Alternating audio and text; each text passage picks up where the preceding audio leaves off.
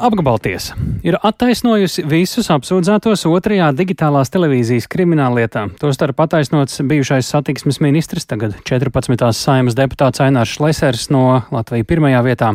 Apsūdzības šajā lietā saistītas ar digitālās televīzijas ieviešanu Latvijā pirms vairāk nekā desmit gadiem. Prokuratūra uzskata, ka satiksmes ministrija Šlaiser vadībā panākusi, ka projektam mākslīgi caur konkursu, kā Latelekom partneris piesaistīts uzņēmums Hannu Digital, pēc tam tas ieguvis TET finanšu līdzekļus aptuveni 3 miljonu eiro un nepamatot arī sadārdzinājis valsts mēroga projektu.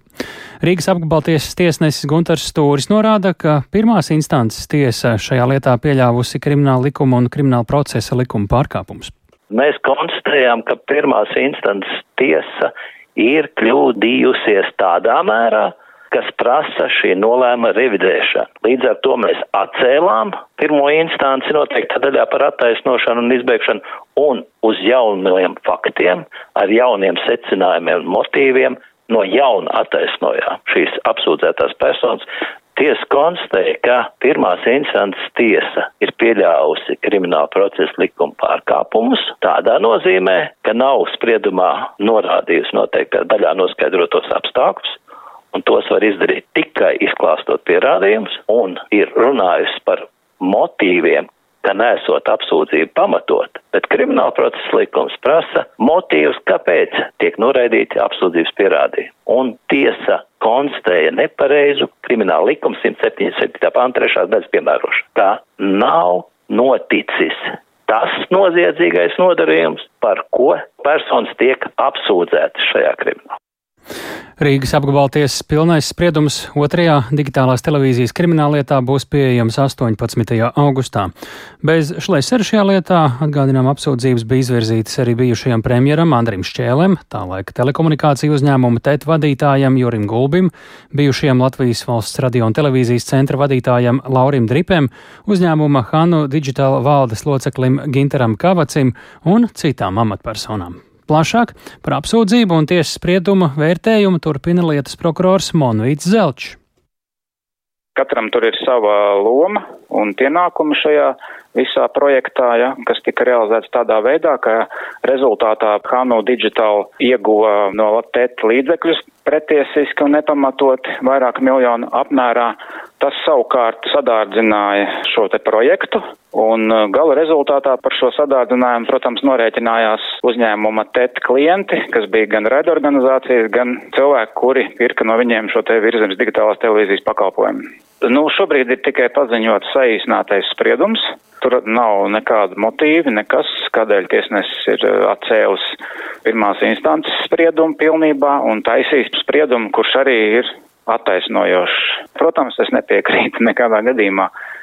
Nakts vidū man var pamodināt, es vienalga uzskatu, ka šis projekts bija absolūti krāpniecisks un te attaisnojošam spriedumam, manuprāt, nebūtu pamata. Bet, nu, protams, vai un kādā mērā par šo spriedumu tiks iesniegts kasācijas protests, šobrīd izteikties um, objektīvi neiespējams.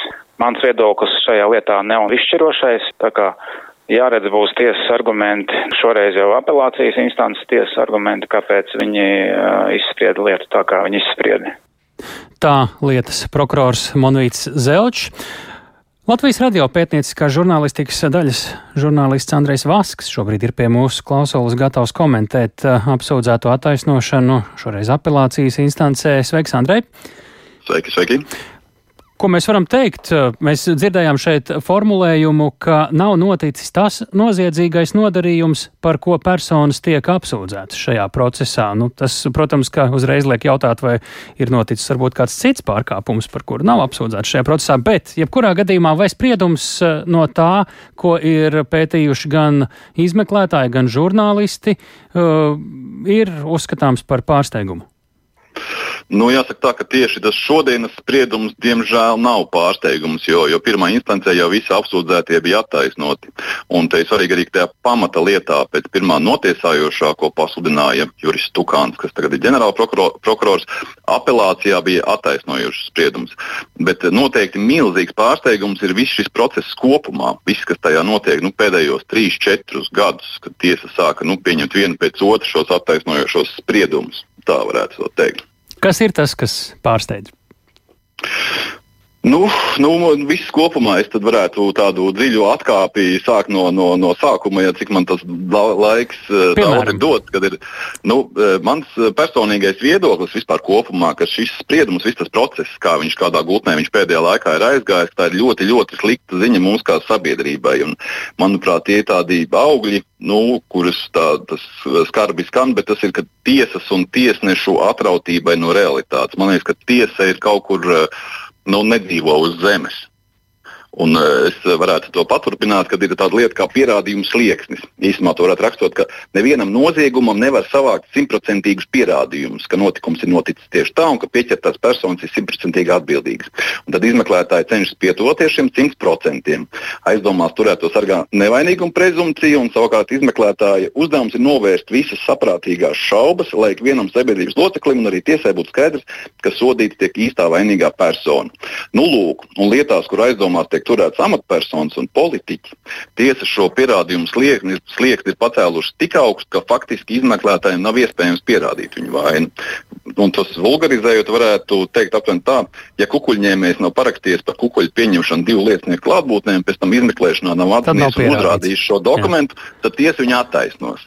Nu, aptuveni tāds. Un, un, nu, ja, telefona sarunas par kukuļiem, neizskaidrojami darījumi, neizskaidrojami tēriņi, ieinteresēti lēmumi, tiesas ieskatā nav pierādījumu. Tajā pašā laikā par muļķīgām kļūdām ierēģis un politiķus tiesā uz nebēdu. Nu, tur kaut kur tas līdzsvars ir pazudis.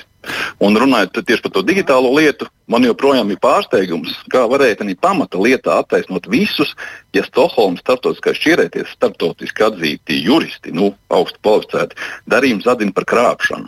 Un arī šī otrā lieta, ka lēmumi ir neloģiski mums kā sabiedrībai kaitnieciski. Viņiem nav izskaidrojumu. Un mēs esam, nu, mēs esam mazliet aptīrīti, bet tiesu sistēma pasaka, ka viss kārtībā, tas ir normāli. Cilvēki visu darīja pareizi. Nu, tāds, tā kā, nu, ir tādas dusmas uz to tiesu. Un jāņem vērā arī, ka šajās šādās lietās jau no sākuma ir izdomāta schēma, lai no malas viss izskatītos likumīgi. Un pie tā strādā augsti kvalificēti juristi. Un vēl jāsaka, advokāti ir piešāvuši roku šādās apjomīgās lietās sasniegt kaudzes dokumentiem, atzinumiem, šaubīgas ekspertīzes un diametrāli pretējas paskaidrojums, un to sauc par juridisko miglu. Un tas pārsteigums, pārsteigums tas, ka tā tiesa nu, katru reizi uzķerās uz to. Nu, viņi tur nu, skatās tieši to, tos aizstāvības argumentus, visas tādas šaubīgas, kas ir sakasīti kaut kādi dokumenti, pierādījumi, kas apšauba to apsūdzības versiju un notic tiem aizstāvumiem. Nu, tur kaut kāds tas nu, ir tā atrautība no realitātes, man liekas. Nu, tev tad ir arī jāsagaida 18. augusts, kad ir gaidāms pilns spriedums, tad gan prokuror, prokuratūra, gan arī uh, mediji analizēs un uh, varēs arī uh, Jā, protams. Rūpīgi. Un ja? vēl ir kāda, jā, viena slikta lieta, kad ir, kad izmeklētājs šādu spriedumu rezultātā sāk baidīties eh, sūtīt eh, lietas uz tiesu. Tas ir skaļāk no tām Rīgas tā satiksmes lieta. Es no. domāju, ka tas ir tīri tāda iemesla dēļ, ka tas eh, pierādījums liekas tik augsts, ka viņi, ai, neriskēsim labāk, nevajag nepatikšanu. Tās ir vēl vienas sakas, nerunājot par atbalstu sabiedrībā un uzticēšanos sistēmai, ņemot vērā šī nu, procesa ilgumu un skaļumu taiskaitā. Tieši tā, vēl ir tāds moments, ir, kas ir, ir, ko es gribēju vēl pateikt ka sliktākais, kas notiks, ka cilvēki neuzticas izmeklēšanai un tiesām, un kad kāds populistisks politiķis izlems iejaukties tiesas neatkarībā, kā tas bija Polijā, tad sabiedrība nevis aizstāvēs savus tiesnešus, kā tas bija Izrēlā, bet aplaudēs šim populistam un teiks, tā tiem tiesnešiem arī vajag.